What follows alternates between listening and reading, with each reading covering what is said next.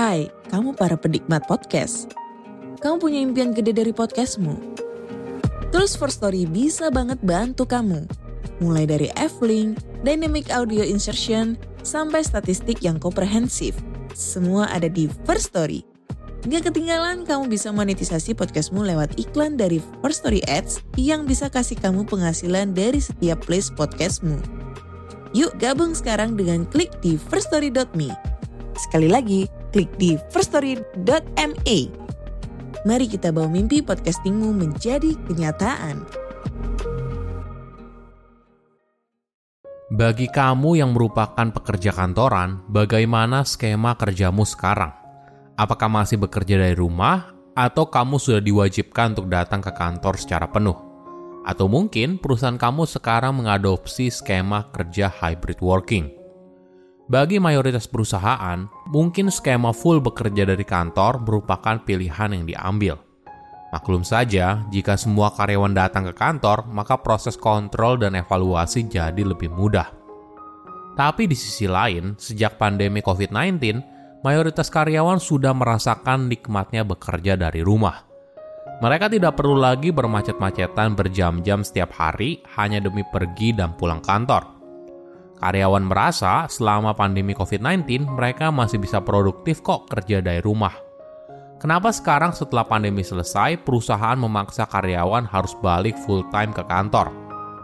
Mungkin win-win solutionnya adalah hybrid working – di satu sisi, ada beberapa hari wajib karyawan datang ke kantor, tapi di sisi lain, karyawan masih punya fleksibilitas kerja dari rumah. Ini opsi yang cukup ideal dan banyak perusahaan modern mulai mengadopsi gaya kerja seperti ini. Wajar saja perusahaan tetap ingin terlihat sebagai perusahaan yang modern dan punya nilai plus karena menawarkan fleksibilitas kerja, sesuatu yang menarik bagi knowledge worker. Tapi perlu dicatat, hybrid working tidak bisa sembarangan. Ada poin penting yang harus diperhatikan agar skema ini bisa berjalan dengan baik. Halo semuanya, nama saya Michael. Selamat datang di channel saya, Si Kutu Buku. Kali ini saya akan bahas skema kerja yang lebih ideal. Apakah full bekerja di kantor, remote working, atau hybrid working? Mungkin sebelum menjawab itu, ada pertanyaan yang lebih mendasar apakah bekerja dari rumah lebih baik atau lebih buruk daripada kerja di kantor? Disclaimer dulu, mengukur produktivitas pekerjaan seorang yang bisa dilakukan di rumah itu tidak mudah. Misalnya knowledge workers, pekerjaan yang fokusnya lebih banyak berpikir, seperti konsultan, pengacara, arsitek, dan sebagainya. Di awal pandemi COVID-19, mungkin kita banyak membaca artikel atau menonton video yang mengatakan kalau working from home itu sama produktifnya atau bahkan lebih produktif daripada bekerja di kantor. Argumennya, karyawan tidak harus capek-capek melakukan perjalanan ke kantor, semua bisa dilakukan via online.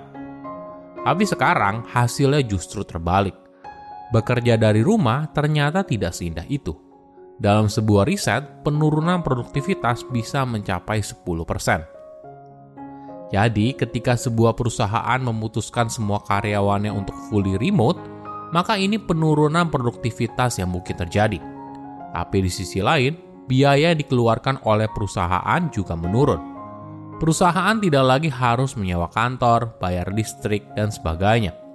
Jadi kalau dihitung-hitung, semua biaya ini merupakan kompensasi yang sepadan dengan penurunan produktivitas. Nah, kenapa produktivitas kerja bisa menurun saat bekerja dari rumah? Mungkin hal ini disebabkan karena adanya tantangan dalam hal komunikasi, kolaborasi, dan proses penciptaan sebuah ide. Pertama, dalam aspek komunikasi, ada sebuah riset yang mengukur produktivitas dari perusahaan call center. Jadi peneliti membandingkan dua grup berbeda dalam satu perusahaan.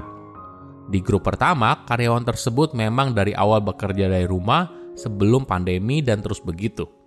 Di grup kedua, karyawan tersebut dipaksa keadaan untuk bekerja dari rumah, padahal sebelumnya mereka harus masuk ke kantor setiap hari. Hasilnya, karyawan yang awalnya bekerja di kantor lalu bekerja dari rumah ternyata mengalami penurunan produktivitas. Alasannya karena ketika bekerja dari rumah, mereka lebih sulit untuk berkomunikasi dengan rekan kerja, apalagi ketika kamu butuh jawaban dengan cepat. Hal ini yang memperlambat kinerja. Hasil riset ini senada dengan hasil dari riset lain yang meneliti knowledge workers di perusahaan multinasional. Ketika harus bekerja dari rumah, mereka lebih sering menggunakan email, MS Teams, atau Zoom untuk berkomunikasi satu sama lain. Walaupun pada akhirnya produk yang dihasilkan itu sama, tapi mereka butuh waktu yang lebih panjang. Kedua, dalam aspek kolaborasi dan penciptaan sebuah ide, ada sebuah riset online yang mengukur bagaimana interaksi seorang dan berproses untuk menghasilkan sebuah ide dalam dua lingkungan yang berbeda, melalui video call online atau tatap muka secara langsung. Ternyata ada hambatan kognitif ketika seorang berinteraksi secara virtual. Argumennya, ketika kita sedang online, maka kita dipaksa untuk melihat ke layar, dan hal ini yang menghambat proses kognitif. Dampaknya, jumlah ide kreatif yang kamu hasilkan jadi semakin sedikit jika dibandingkan kamu berinteraksi langsung. Bagi perusahaan yang sudah punya kantor, pastinya bekerja fully remote tidak ideal, apalagi ada potensi produktivitas menurun. Jadi tidak heran ketika PSBB dicabut, banyak perusahaan mewajibkan karyawan untuk kembali ke kantor secara penuh. Namun di sisi lain, ada keengganan dari sisi karyawan. Bagi mereka yang sudah punya tempat yang nyaman untuk bekerja dari rumah, maka bekerja dari rumah justru jauh lebih ideal. Mereka tidak perlu lagi bermacet-macetan di jalan dan bisa bekerja dari mana saja. Inilah yang melahirkan skema hybrid working sebagai win-win solution. Di satu sisi, perusahaan happy karena ada beberapa hari wajib di mana karyawan harus datang ke kantor. Di sisi lain, karyawan juga happy karena dia tidak perlu hadir ke kantor setiap hari. Di Amerika Serikat sendiri, jumlah karyawan yang menjalani skema hybrid working itu tiga kali lipat dibandingkan dengan karyawan fully remote. Skema ini juga digunakan oleh perusahaan untuk meningkatkan kepuasan karyawan dan menjadi nilai plus ketika merekrut karyawan.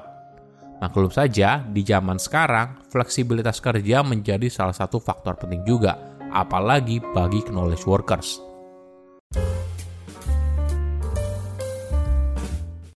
Nah, bagaimana skema hybrid working yang baik? Mungkin yang paling penting adalah jadwal masuk kantor yang jelas. Hal ini penting agar manfaat paling besar dari hybrid working diterima oleh karyawan ketika mereka datang ke kantor, yaitu soal koordinasi, brainstorming ide, dan sebagainya. Intinya adalah interaksi sosial antar rekan kerja. Jadi perusahaan harus punya jadwal masuk kantor yang jelas, Misalnya untuk departemen sales dan marketing masuk di hari Selasa, bagian keuangan dan operasional di hari Rabu, dan sebagainya. Tujuannya agar tidak terjadi penumpukan semua karyawan datang di hari bersamaan atau ketika karyawan masuk ke kantor, tapi sebagian rekan kerja satu timnya justru work from home. Jadi hal ini tidak efektif juga, karena mereka masih harus datang ke kantor, tapi harus Zoom meeting dengan rekan kerja yang sedang bekerja dari rumah. Salah satu sisi positif dari pandemi adalah mengubah persepsi kita soal bekerja dari rumah. Sebelum pandemi, bekerja dari rumah dianggap sebagai tidak bekerja atau sulit berhasil. Tapi ketika pandemi terjadi dan mayoritas orang dipaksa harus bekerja dari rumah, hal ini membuat orang punya pandangan yang berbeda. Mereka sekarang mulai yakin kalau model bekerja dari rumah itu bisa berhasil. Contoh yang menarik adalah pengacara Pekerjaan pengacara adalah karyawan yang masuk dalam kategori knowledge workers. Jenis pekerjaan yang secara umum hanya membutuhkan koneksi internet dan komputer atau laptop. Mereka bisa saja bekerja dari mana saja tanpa harus ke kantor. Tapi sebelum pandemi, hal ini mungkin terasa asing. Bayangkan kamu bekerja di sebuah firma hukum besar, lalu semua kompetitor dan klienmu bekerja full di kantor setiap hari, tapi kamu bisa bekerja dari rumah.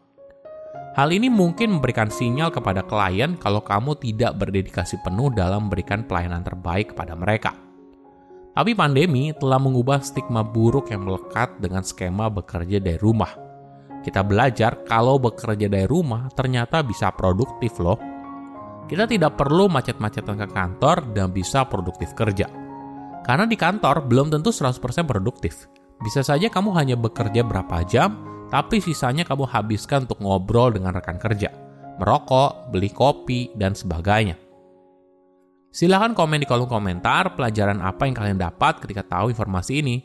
Selain itu, komen juga mau tahu informasi apa lagi yang saya review di video berikutnya. Saya undur diri, jangan lupa subscribe channel YouTube Sikutu Buku. Bye bye.